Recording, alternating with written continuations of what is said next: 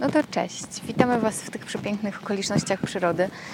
E, Jest 30 stopni i to jest 30 stopni w Gdańsku na Pomorzu. To się nie zdarza. Nie zdarza co dzień. W maju się nie zdarzało, już ja nie pamiętam kiedy. E, No to, to już trwa jakiś W tam... czerwcu się zdarza, natomiast na pewno nie zdarza się w lipcu i sierpniu. Oj, no nie, ale, ale to chwilę, dzień? no jeden dzień, ale nie kilka pod rząd. Więc postanowiliśmy się podzielić z Wami. E, Z nami jest... Za nami e, jest zatoka, Zatoka, czyli tak. można by powiedzieć, że prawie morze. Tam jest Westerplatte, Tam jest Westerplatte, tam jest stocznia, a, ta, tam jest Zaspa. a tutaj jest Martwa Wisła. A to jest, tędy się wypływają sobie statki na, e, do Zatoki, a potem do Bałtyku z Nowego Portu. A dokładnie przed nami jest stara latarnia morska. Bardzo ładna zresztą. Bardzo ładna. No dobra, Tak. o czym dzisiaj? Dzisiaj pogadamy sobie o twoim, Twojej fantastycznej wyprawie do Peru. Uwaga, z dwójką małych dzieci. To dla mnie jest mega wyczyn. Tak, yy, no mieliśmy tą niewątpliwą przyjemność się z naszymi dziećmi udać w tą daleką podróż. Yy, I reasumując, było naprawdę super, bardzo udany wyjazd, tylko jakby jadąc na tego typu yy, eskapadę z dziećmi trzeba przyjąć pewne wstępne założenie. Czyli I tym wstępnym założeniem jest to, że jadę z dziećmi. I wszystkie konsekwencje, które się z tym wiążą. Chociażby takie, że już będę sypał przykładami z tego no wyjazdu, oczywiście, syp, syp to. że e, moim takim, no powiedzmy, że marzeniem, no tam marzeniem, no taką, takim założeniem wstępnym znowu było to, żeby udać się w trakcie tego wyjazdu do Tawanako. Mhm. Tawanako, a właściwie do Pumapunku, które się mieści zaraz obok Tawanako. To już jest miejscówka w Boliwii, ale przy samej granicy z Peru, mm, więc można powiedzieć, że to właściwie jeszcze Peru. E, Dlatego, bo tam brama słońca, wiele o tym czytałem e, w różnych książkach, no i chciałem zobaczyć te, te, te budowle, te kamienie, świątynie, piramidy i tak dalej. Mhm. E, No i od samego początku ta podróż zajęła nam, mm, bo mieszkaliśmy, znaczy bazą wypadową było Puno w Peru, zajęła nam 3 godziny, no tam, tam prawie 4, żeby dojechać do Tawanako. W związku przez, te, przez ten czas podróży no jakby przekupywaliśmy naszego Mikołaja, który ma 3,5 roku. A to cukiereczek, a to batonik, a to jak tam się czujesz, kochanie. Z założeniem takim, że w zamian za te mm, słodycze, które dostaje i tego typu rzeczy, on będzie na własnych nóżkach szedł przez to Tawanako i nie będzie przeszkadzał. No i dając cukierka Mikołajku, pamiętasz? Tak, tak, oczywiście, nie ma problemu, tak jak żeśmy się umawiali. Dojechaliśmy do Tawanako, zrobiliśmy niecałe 50 metrów. Mikołajek łup na ziemię i on dalej nie idzie, on jest zmęczony i koniec. I płacz. No i cóż, na tego typu sytuacje trzeba być przygotowanym. Że się dziecko nie dało przekupić, a właściwie troszkę Was oszukało. Oszukało, tak, po prostu. No i cóż, no niewątpliwie tam wtedy trochę mi ciśnienie podskoczyło. E, No ale jakoś wspólnymi siłami, ja na rękę, trochę Edyta na rękę, e, no na zmianę z dziećmi na rękach, żeśmy to, to Tawanako przeszli. Ale wtedy też miało miejsce moje takie, można powiedzieć, mistyczne doznanie, właśnie jeśli chodzi o to Pumapunku. Pumapunku to jest taka, mm, takie miejsce też archeologiczne, które mieści się dosłownie 700 metrów od Tawanako. Mhm. Z tym, że Tawanako to jest, e, to jest takie miejsce, no, no tak jak wiele miejsc na całym świecie, czyli jest przewodnik, są tam jakieś tabliczki, są Mhm. jakieś e, wyznaczone mm, takie dróżki do chodzenia. No i tam takie- przewodnik mówi, że tutaj e, świątynia, tutaj kondor, tutaj puma, Mhm. Tutaj e, wirakocza, tutaj ktoś jeszcze tam inny. Pan przewodnik, który, który mm, pokazuje różne, różne rzeczy, opowiada, e, podaje daty Mhm. e, z takim jakby przekonaniem, z taką pewnością, że tak właśnie to wyglądało. No, No okej. E, Na moje pytanie o Pumapunku Mhm. No to, to tam, no weźmiesz taksówkę i dojedziesz, no. No co? Aha, no dobra. No i faktycznie nawet nie musiałem brać taksówki, bo ta taksówka, która nas przywiozła z granicy, bo tam jest tak, że do granicy peruwiańsko-boliwijskiej dojeżdżasz granic, gra- taksówką peruwiańską, wysiadasz, przechodzisz granicę i wsiadasz do taksówki boliwijskiej. To jest bardzo logiczne. To jest bardzo logiczne, możliwe. E, Więc ta taksówka boliwijska nas zawiozła te 700 metrów. Mhm. Weszliśmy na teren Pumapunku. Wejście polegało na tym, że po prostu była bramka, siedziała tam jedna pani, która sprawdziła, czy bilet jest, Jest biletem. czy jest biletem. I proszę, Państwo wchodzą. Zero przewodników. Właściwie to można powiedzieć, że zero ścieżek, bo no trochę tam te ścieżki były wyznaczone, ale ja tak się zapędziłem w rezultacie, w takim byłem amoku trochę, że wszedłem y, w, w miejsce, gdzie tam panowie z pędzelkami właśnie Mhm. świeżo co tam coś y, grzebali, robili, a część jeszcze z nich tam kosiła trawę. No i uprzejmie mnie stamtąd wyprosili, że tutaj sorry, ale tutaj nie wolno wchodzić. Więc nawet do końca nie było tak mocno oznaczone, żeby była pewność, czy jestem na terenie wykopalisk, czy, Czy jestem w tej swe, strefie dla zwiedzających. No dobra, a E, mistyczne doznania? No mistyczne doznania też ciężko mi to opisać, y, z czym to się faktycznie wiązało. No, na mnie niesamowite wrażenie wywarły te kamienie, które tam leżały, Mhm. porozrzucane w różnych miejscach i to ciekawe, także część oczywiście była w jakiś sposób tam pewnie skatalogo, skatalogowana, tak, że mm, no, były też odgrodzone jakąś tam tasiemką i w pewnej, w jednej części y, stały pięć czy sześć takich głazów po kilka ton w kształcie takiej trójwymiarowej litery H. Z jakimiś tam jeszcze rzeźbieniami, wgłębieniami, wszystko mega zachowane kąty, totalnie płaskie powierzchnie. No i te, te można by to roboczo nawet nazwać prefabrykaty, tak? Mhm. Bo tak to wyglądało, jakieś prefabrykaty włożone do jakiejś wielkiej formy, zalane że- żelbetonem i odciśnięte. Nie? Mhm.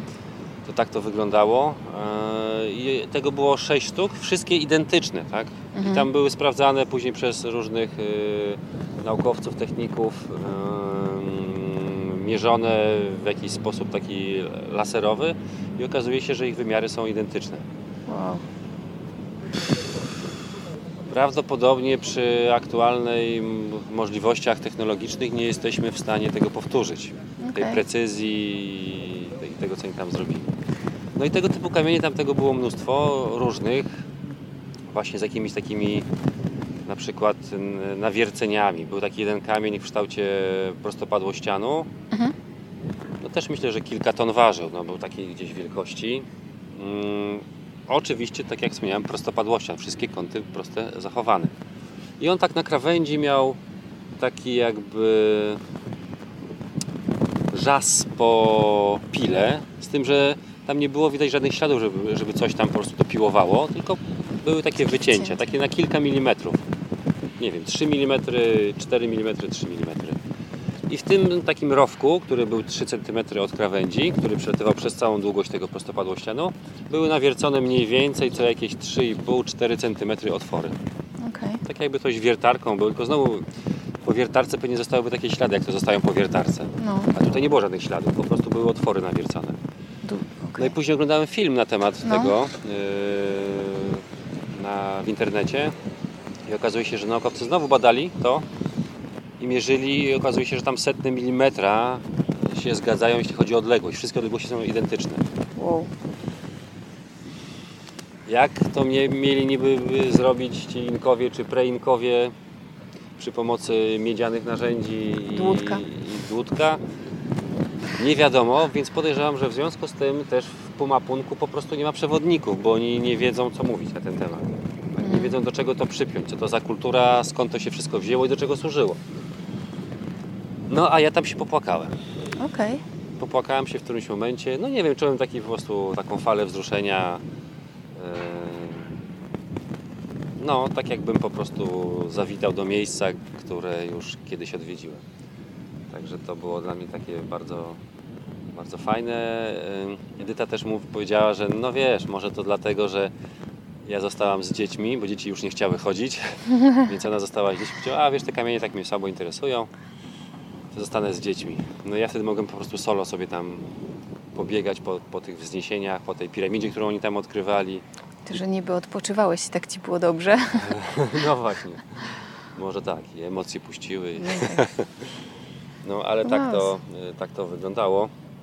No też jeszcze mm, wypadałoby wspomnieć tutaj o, y, o takim mm, naszym doświadczeniu, y, no mianowicie wizycie y, takim trzydniowym trekkingu w kanionie Kolka, Mhm.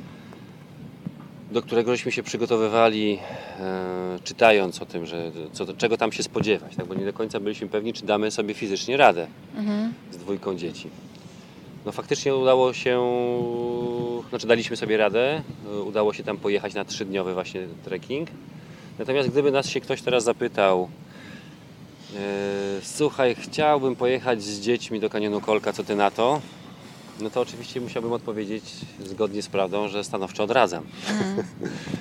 Stanowczo odradzam, no chyba, że ktoś ma doświadczenie chodzenia z plecakiem 30-kilogramowym czy 20-kilogramowym e, po górach, no to tak, to wtedy spoko, to oczywiście. Takim ruszającym się plecakiem. tak, żeśmy takich doświadczeń nie mieli, no Edyta chodzi z y, Niną w nosidełku. No ja jakoś tam sobie powiedzmy fizycznie radzę, ale mimo wszystko było to naprawdę bardzo trudne fizyczne doświadczenie, Ym, gdyż albowiem tam dojeżdża się na krawędź tego kanionu Kolka, on wysokość 3200 metrów. Schodzi się takimi trawersami y, na sam dół na głębokość, znaczy no, też na wysokość 2100 metrów, czyli tam 1100 metrów jest różnicy. I niby by wszystko można powiedzieć, że no, no co, no to bierzesz, schodzisz trawersem, więc no, ogólnie spoko. No ale trzeba jeszcze dodać, że tam było tak jak mniej więcej tutaj, tylko że bez wiatru, 30 stopni ciepła. Przecież tu prawie nie wieje, Paweł. No i, no i to było dosyć wyczerpujące doświadczenie, ale warte. Warte tego, bo naprawdę widoki mm, niesamowite, przyroda, ta dzikość, bo my żeśmy tam no, mieli dwa noclegi, w jednym z noclegów, znaczy właściwie w obydwu, ani, nie było ani światła, ani wody, no więc tak trochę dziko. Sparta- Tak spartańsko. trochę spartańsko, tak. I to, to było bardzo ciekawe. Też później jak y, już żeśmy z tego kanionu Kolka pojechali dalej, to, to Mikołaj się za każdym razem pytał, a gdzie teraz jedziemy? No do następnego hotelu jedziemy, do następnego miejsca, gdzie się zatrzymamy. A tam będzie światło? No i to było takie pytanie, które nam zadawał przez następnych kilka dni. Yy,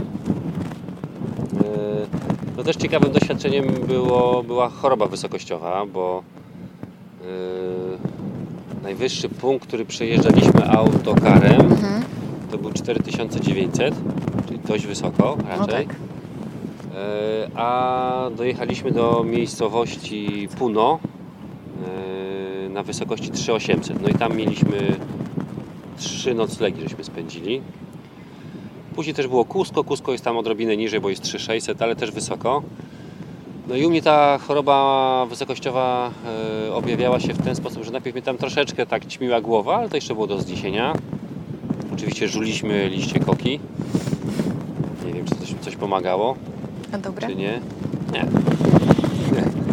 Szału nie nic nie robi. E. I objawiało się to w ten sposób, że jak kładłem się spać i oddech się tak e, stabilizował, w sensie mm, Spłycał? spłycał trochę, to się budziłem co, co jakiś czas i musiałem zrobić takie tak jakby głębiej nabrać powietrza, tak? bo to powietrze tam jest na tej wysokości mm, Rzadsze. rzadsze i, i, nie wiem na ile to mi się gdzieś tam w głowie takie coś ubzdurało, ale no takie miałem jakby fizyczne doświadczenie, że A dzieciaki? Jakoś to też? dzieciaki bez żadnych problemów. A, okej. Znaczy no, Mikołaj narzekał, że jest potwornie zmęczony, ale to bardziej chyba chodziło mu o, że chciał na- rękę czy, czy do nosidła wskoczyć. Mhm. Eee, aczkolwiek faktycznie jak go chwilę poniosłem na ręku, to zrobiłem 100 metrów i się też zmachałem, przynajmniej na Mhm. początku, ten pierwszy, pierwszy dzień. Później już było w miarę ok. No to takie doświadczenia. Eee, no jeszcze można by powiedzieć, że Machu Picchu, tak? Peru to Machu Picchu. Wszędzie się trąbi, że Machu Picchu koniecznie. Oczywiście byliśmy. Eee, oczywiście wrażenie niesamowite e, pod kątem tego, że jesteś na wysokości, na samym szczycie wzniesienia góry. Na dół masz przepaść, która się ciągnie 400 metrów w dół. No te budowle też robią wrażenie, jak najbardziej, które są rozmieszczone po, w różnych e, lokalizacjach tam na szczytach.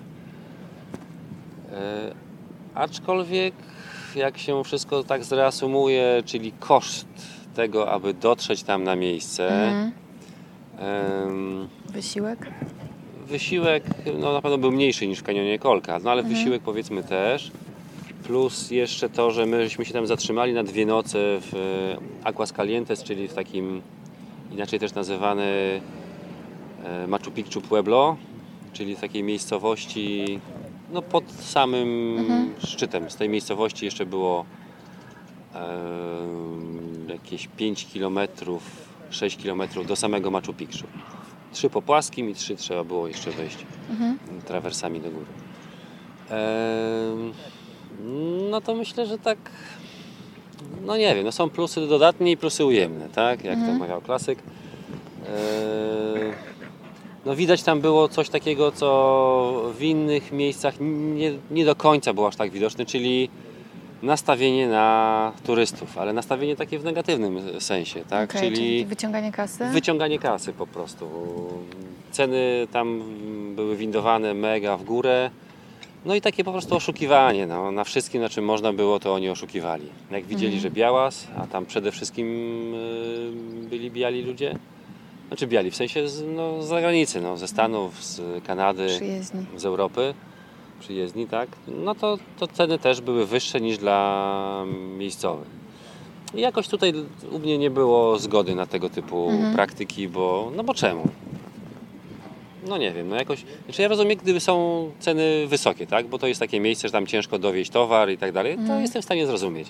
Ale czemu ceny są wyższe dla turystów, a niższe dla miejscowych? No Czy to wiesz tak co, już... ja mam czasem takie mieszane uczucia, bo tak było też w Indiach, że często na przykład coś, co kosztowało dla e, Hindusów tam, nie wiem, 50 rupii, to dla turystów około 300. Ale, No no tak, ale ja mam potem takie mieszane uczucia, bo tak myślę sobie, że jeżeli oni by zrobili cenę 300 rupii dla wszystkich, to żaden Hindus tam by nie poszedł, bo, znaczy żaden, no dużo, duża część Hindusów by tam w życiu nie poszła, by tego nie zobaczyła, więc jakby tu mam takie, no, się zastanawiałam nad tym długo, czy to jest ok, czy nie jest ok. Znaczy to jest okej, to też jest No. jeszcze okej, bo to się wiąże z tym, że wchodzisz gdzieś tam do jakiejś, nie wiem, świątyni, do Tak. zabytku jakiegoś oglądasz i to jest okej, masz rację, tak? Bo oni oczywiście mniej zarabiają niż ludzie w Europie. No tak, jakby ja wolę, żeby To- każdy z nich zob- To mógł można to zrobić, zobaczyć, tak, nie? ale mi chodzi bardziej o taką, taką sytuację, że powiedzmy jest ktoś, kto sprzedaje na przykład z Peru właśnie, No, sprzedaje picarony, picarones, picarones, czyli to są takie ciastka, które są trochę podobne do pączków z dziurką. okej.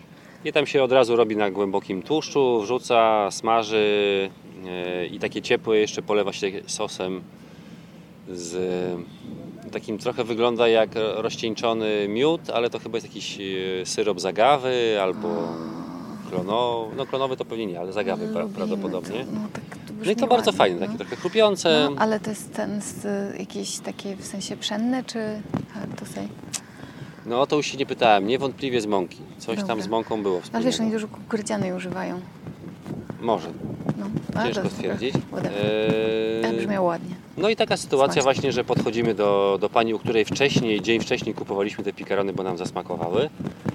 Yy, I, no i przyznam się szczerze, że nie pamiętałem za, za ile żeśmy kupowali. No jakoś tak wyszło, że tam parę rzeczy kupowali, nie pamiętałem za ile. No i podszedłem do niej, powiedziałem, że poproszę pikarony. Yy, no i cisza, więc zapytałem się ile kosztuje. I w tym momencie pani miejscowa, jakiś, jakiś lokal, która stała obok, powiedziała mi, że jednego sola. Mhm. Powiedziała do mnie, że jednego sola. Yy, Więc otworzyłem tam, wyjąłem drobne z ręki, otworzyłem, żeby ona sobie wyjęła, a ona do mnie, ta, która sprzedawała, mówi dwa sole. Okej. Mówię, no zaraz, zaraz, ale tutaj pani powiedziała, że jeden sol. Nie, nie, nie, nie, dwa. dwa. No i to takie No, słabe, no, No po tak. prostu słabe. Ale to, no nie wiem, nie, mam takie doświadczenia, że to jest takie bardzo naturalne, w sensie to, tak, tak działa jakby podróżowanie i ten świat. Ja miałam takie poczucie tam podróży, wiesz, z tych moich podróży, że jakby oni tylko mogli i wiedzieli, że mogli ze mnie coś wydusić, to na pewno to robili. Te ceny Mhm. były bardzo różne i przeważnie można było się tam targować do upadłego, do bólu. A mi się po prostu często i gęsto nie chciało, bo ja nie przypadam za targowaniem, ale powiem Ci szczerze, że po jakimś czasie, już ja byłam na tej podróży, nie, ja po prostu byłam tam trzy miesiące. Wiesz, to okej, jak jesteś gdzieś tam dwa czy trzy tygodnie, to jeszcze możesz sobie za- założyć, że okej, dobra, wydam to, mam to, wiesz, okej, ale przy jakiejś takiej dłuższej wyprawie, w momencie, kiedy dochodzisz do, do, do sytuacji, w której nie chodzi o to, o wydane pieniądze, tylko o to, że już masz tak serdecznie dość tego, że cię okłamują, że po prostu chcesz im wyrwać się na przykład gardło. No po prostu, ej stary, przed chwilą rozmawialiśmy o czymś innym. No więc e, tak. Ja po jakimś czasie doszłam do momentu tak dużej frustracji, że targowałam się już o wszystko i to normalnie tak zajadle. I już nie dlatego, że ja nie chciałam im za to płacić, tylko dlatego, że oni chcieli właśnie wydusić ode mnie te no, w ogóle pieniądze. Może tak też jest, że w wielu kulturach y, to jest jakby część tego procesu zawierania transakcji, tak? Tak. Że musisz się z nimi potargować, bo jak nie, to znaczy, że ci nie zależy, że, Nie wiem, na że nie szanujesz polega. ich, czy, czy, czy Znaczy, bo ja tak. rozumiem też, że w miejscach turystycznych zawsze jest trochę drożej. No to, to jest tutaj Mm. też u nas. No nie, to No nie jest wiadomo, tak, że wiadomo. to jest jakieś dziwne, ale faktycznie, faktycznie, nie wiem, przy- przynajmniej w tych krajach azjatyckich było tak, że ja po prostu, ja doszłam do momentu, w którym moja frustracja już była tak wysoka, że po prostu, ja już o wszystko się wtedy targowałam. Nawet jak nie musiałam, wiedziałam, że to jest, nie wiem, nisko, to po prostu już tak, wiesz, bywały takie momenty, że się łapałam na tym, że się targuję i tak, O 50 groszy. no co najmniej, nie? Przecież no halo. No. Także może to jest po prostu, wiesz, taki, taki klimat miejsca, no w sensie. No dokładnie. Jeszcze chciałem powiedzieć o jednej y, rzeczy, o jednej sytuacji. Yy,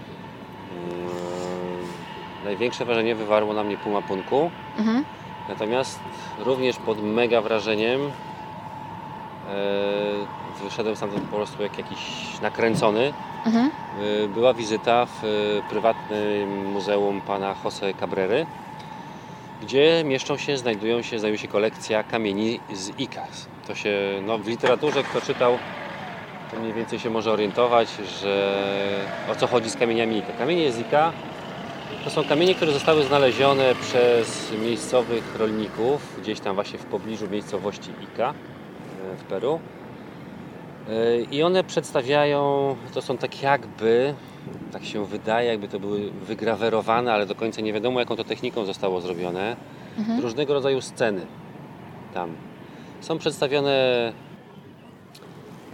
e, jak sam właściciel powiedział, nawet nie ludzie, ale istoty, pewne istoty, które on nazwał Cryptolytics, które mają cztery palce, bez kciuków są i na głowach mają takie grzebienie, takie jak e, dinozaury mniej więcej. Mhm. E, I te istoty występują na, e, w ten sposób przedstawiane, występują na różnych wielu kamieniach, które są z tej kolekcji. W każdym razie, w każdym razie kamienie były znajdowane przez rolników i właściwie na początku to nikt do nich nie przywiązał żadnej wagi. Dopiero w momencie, kiedy ojciec tego Jose Cabrery, którego myśmy gościli, dostał taki kamień, taki, kil- kilka takich kamieni od e, rolnika, który ojciec był mm, chirurgiem i leczył tego rolnika. No i rolnik nie miał kasy, więc przyniósł mu te kamienie. Mhm. No i z tych kamieni tam raz, drugi, trzeci zebrała się jakaś kolekcja i w którymś momencie on zauważył po prostu, że na tych kamieniach e, znajdują się rysunki, które nie powinny się tam znajdować, czyli na przykład są wizerunki dinozaurów. Okej. Później, jak zaczął, bardzo go to zainteresowało, zaczął to rozwijać, okazało się, że na przykład są rysunki e, operacji transplantacji serca. Okej. No i to, to już było, To już trochę dziwnie. to już trochę dziwnie. Później w sensie były, Inkowie transplantowali serca? Tu już były, no nie wiadomo czy Inkowie, tak? Czy to jakaś jeszcze preinkaska cywilizacja, czy w ogóle tak jak twierdzi, twierdził wcześniej Juan Cabrera ojciec i Jose Cabrera syn, e, chodzi o cywilizację, która przybyła na Ziemię i to ona właściwie na zasadzie manipulacji genetycznych stworzyła człowieka, czyli Mhm. Homo sapiens. E, No ale to już jest pewna koncepcja, którą można wierzyć, można nie wierzyć. No, W każdym razie obrazki, które żeśmy widzieli, które kamienie, które stały u niego, no były od takich małych jak pięść Mhm. do takich wielkich na jakieś 1,20 m wysokich, na których były całe sceny rozrysowane. Na przykład obserwacja y, nieba y, usianego gwiazdami przez lunetę. Mhm. No przypomnę, że to lunetę wynalazł pan Kepler w roku tam 1500 czy 1400 jakoś Ale tak, to- no. nie pamiętam dokładnie. Eee, To tak trochę brzmi jakby te, te, te były zdjęciami, w sensie te kamienie. Wiesz, Wiesz co, nie wiadomo co właściwie o nich sądzić, tak? bo yy, w cudzysłowie jak mi świat nauki, archeologów, yy, naukowców podchodzi do tego z bardzo dużą rezerwą. Z tej przyczyny, że miała tam miejsce jedna taka sytuacja. Sytuacja polegała na tym, że w którymś momencie do tego rolnika, który wydobywał te kamienie, jak powiedzmy kopał studnie, to on tam je wyciągał, albo jak orał pole, to one wychodziły te kamienie i któregoś momencie, w którymś momencie do tego rolnika przyszła policja, miejscowa policja i powiedziała, że jeśli mm, coś zostało wydobyte z ziemi, to należy do państwa. Mhm. W związku z tym on musi wszystko oddać, a poza tym wcześniej nie oddawał, tylko rozdawał czy sprzedawał prawdopodobnie gdzieś tam na prawo i lewo, no to idzie do więzienia. No i tenże rolnik, w związku z tym, że już się zaprzyjaźnił z y, Juanem Cabrerą, to zadzwonił do niego y, i mówi, słuchaj, jest taka sytuacja, co mam robić, no bo, bo, bo nie wiem. A ten mówi, no to poczekaj chwilę, przemyślę. I za chwilę do niego odzwonił i mówi, słuchaj, powiedz, że to ty sam wyprodukowałeś te kamienie. No ale przecież jak? Sam, jak przecież wszyscy naokoło wiedzą, że one są z ziemi, tak? Że One są wydobyte e, po prostu z ziemi. No ale chcesz spędzić dzisiejszą noc w więzieniu czy w domu? No w domu. No to powiedz, że to ty zrobiłeś. Mhm. No i faktycznie taka sytuacja miała miejsce. Wzięli go na komisariat, on tam spisał oficjalne pismo, e, w którym przyznaje się do tego, że sam wykonał wszystkie kamienie. Oddali mu kamienie, wypuścili i nie było żadnych konsekwencji. No ale od tego momentu cały tak zwany świat nauki podaje to jako e, dowód, jako kluczowy dowód, Mhm. że jakby całe, to, cała ta akcja z kamieniami Zika to jest mistyfikacja. To trochę wygląda tak jakby na, na zasadzie, nie wiem, jak coś nam się nie udaje wytłumaczyć logicznie, to tego nie ma. No dokładnie, tak jak z pomapunku, tak? No. Nie wiadomo do czego to przypiąć, w związku z tym nie ma tam przewodników, Tak. bo oni nie wiedzą o czym by Nie tam tematu. gadać. Nie ma tematu. No i tak No. samo właśnie, właśnie tutaj. Mm, No kamienie, sam w ogóle Jose Cabrera jest nietuzinkową postacią i rozmowa z nim to prawdziwa przyjemność. Te koncepcje, które, które snuł, y, te rozważania, czy te mm, to, co wymyślił jego ojciec, Mhm. y, też wszystko bardzo, bardzo ciekawe. No do mnie to przemawiało, oczywiście nie do wszystkich mm, No może to przemawiać, tak? Ktoś może upatrywać w tym jakiś fantasmagorii, że gdzie tam jak, jakieś, jakieś kosmici, jakieś gdzie, skąd, po co. Kto? No ale cóż, no wiele, wiele jest takich sytuacji, takich e, artefaktów znajdowanych przez archeologów, które by mm, jakby potwierdzały tą koncepcję, tą teorię. Natomiast przez mainstreamowy świat nauki one są pomijane i leżą gdzieś na dolnych półkach, w piwnicach, w wielkich muzeach. Nikt o tym nie słyszy i nie wie. Może musi świat nauki dojrzeć do tego, wiesz, No tak mówią, że żeby się jakaś koncepcja poważnie zmieniła, koncepcja dotycząca na przykład y, korzeni y, istot ludzkich, tak, Mhm. czyli w sensie pochodzenia i umiejscowienia ich w czasie, żeby na przykład taka koncepcja, teoria się zmieniła, no to potrzeba tego, aby jedno pokolenie naukowców wymarło. No to poczekamy. No czekamy, mamy czas. Kto jak nie my. Także tak, to No więc dobra. Peru, Peru, Peru, Peru jest super, naprawdę A z dzieciakami też i w sensie takim, że pod względem jakichś takich logistycznych też? Tak, pod względem logistycznym też no, należy wybierać oczywiście tak, żeby było no, w miarę komfortowo No dla wiadomo. takich małych dzieci, czyli myśmy się decydowali na autokary, e, takie, które się przemieszczały pomiędzy dużymi miejscowościami. Jeśli to była dłuższa droga, na przykład najdłuższą mieliśmy 8, 8 godzin, no to braliśmy po prostu autokar nocny. I Mhm. wtedy tam te siedzenia są rozkładane prawie że na płasko. Yy, dzieci śpią wtedy, no po prostu. Okej. Dzieci śpią, więc, więc jest, jest w porządku. No jeśli chodzi o ten, ten transport właśnie autokarowy, to tam jest bardzo dobrze rozwinięty. Mhm. Począwszy od takich małych busików, e, kolektivo one się nazywają, e, przez właśnie bardzo luksusowe autokary, takie wielkie, dwupiętrowe, e, z szerokimi, wielkimi siedzeniami wygodnymi. Mhm. Ej, to fajne. No. A, a jedzenie? No cóż, w związku z tym, że hu, hu, hu, hu, jeśli ktoś je mięso, może tak, jeśli ktoś je mięso, to na pewno sobie tam poradzi Odnajdzie i się. odnajdzie się i będzie mógł spróbować wiele, wiele różnych ciekawych, fajnych dań. Na przykład świnkę morską. Jadłeś? No nie, nie. wyjątkowo nie. To... Natomiast jeśli ktoś nie je mięsa, no to jest stanowczo gorzej. To jest stanowczo gorzej, bo to menu będzie tam no, słabo rozmaicone, słabiutko. Naprawdę jest niewielki wybór, aczkolwiek w dużych miastach, w związku z tym, że sporo turystów pewnie tam właśnie Stany, Kanada przyjeżdża, yy, no to oni są już nauczeni tego, że muszą mieć coś w menu wegetariańskiego, Mhm. więc to w knajpach jest. Yy, No ale takie stricte peruwiańskie dania yy, wegetariańskie to chyba nie też. istnieją. Alright. Yy, No jak ktoś je ryby, tak bo ja na przykład jem ryby, no to, to można sobie poradzić, tak? To wtedy już jest bez problemu, bo takie ich yy, sztandarowe danie to są ceviche, czyli ryby albo owoce morza, yy, surowe, namaczane w, takim specy- w takiej specjalnej zalewie z yy, mm, limonek. No i to się później je z cebulą, u nich akurat z ziemniakami specjalnymi, bo mają też kilkaset rodzajów, czy kilka tysięcy, sorry, kilka tysięcy Odmian? rodzajów odmian tak, ziemniaków. Ja bym się tam odnalazła.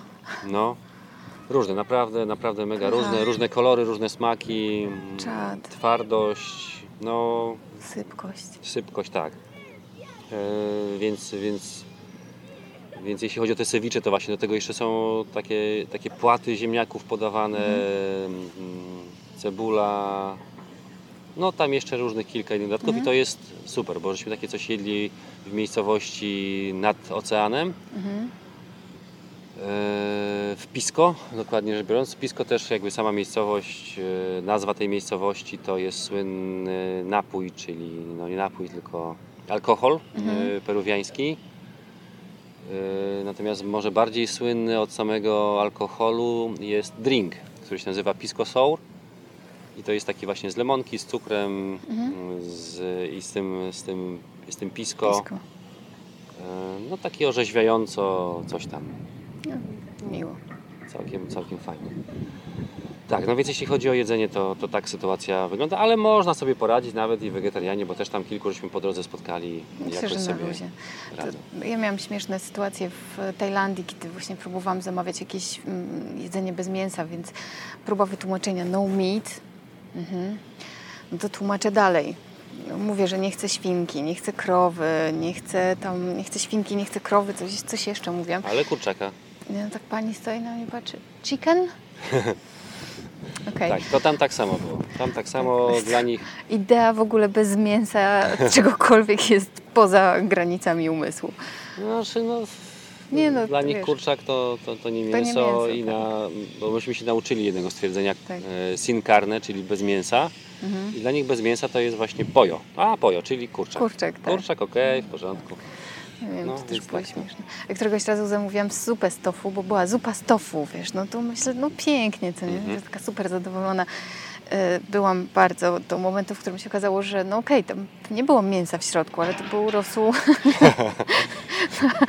nie wiem na czym. Tylko, że ja wychodzę z założenia w takich wyjazdach, przynajmniej z mojej perspektywy, że po prostu unikam na maksa jak, jak mogę, ale jestem wtedy bardzo em, elastycznym wegetarianinem, tak bym to No nazwała. tak, chyba trzeba do tego podejść. No No, bo wiesz, bieganie i szukanie jedzenia przez cały dzień po to, żeby zjeść jeden obiad nie ma sensu, bo przecież jest tyle pięknych rzeczy, które mogę robić, więc jakby oczywiście, że zjadłam tą zupę i po prostu podziękowałam śwince, że, że no, była i tyle, no, czy tam czemukolwiek No, miałam podziękować, podać się, nie wiem z czego to było.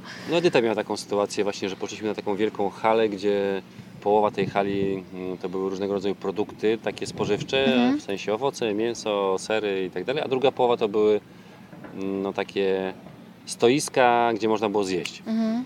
Mm, No i zamówiła taki gruby makaron No i tłumaczyliśmy pani, że bez, e, bez mięsa, bez kurczaka, Tak. że po prostu vegetariano. Si, si, si, oczywiście. No i przyniosła ten makaron z samymi warzywami.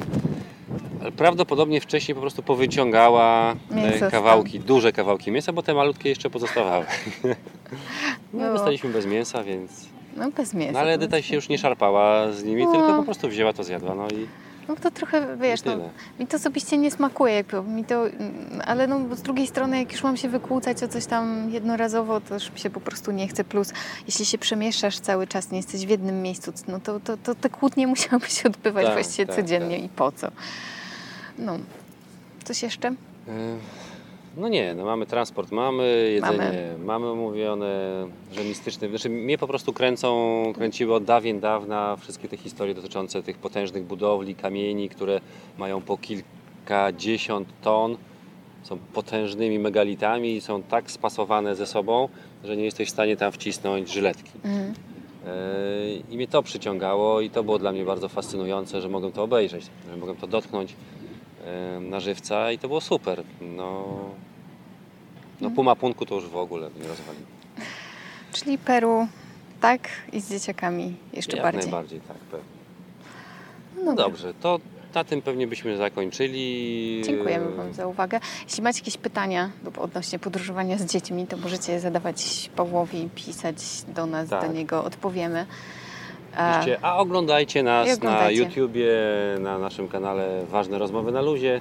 Zapraszamy do polubienia profilu. Ważne rozmowy na luzie na, Na Facebooku. I to chyba wszystko, nie? Jeszcze się nie to chyba- pokusiliśmy się o, o Instagrama. Jeszcze nie, ale pewnie to przed nami. Kto wie. No, No dobra, dobrze. to dzięki. Pa, pa.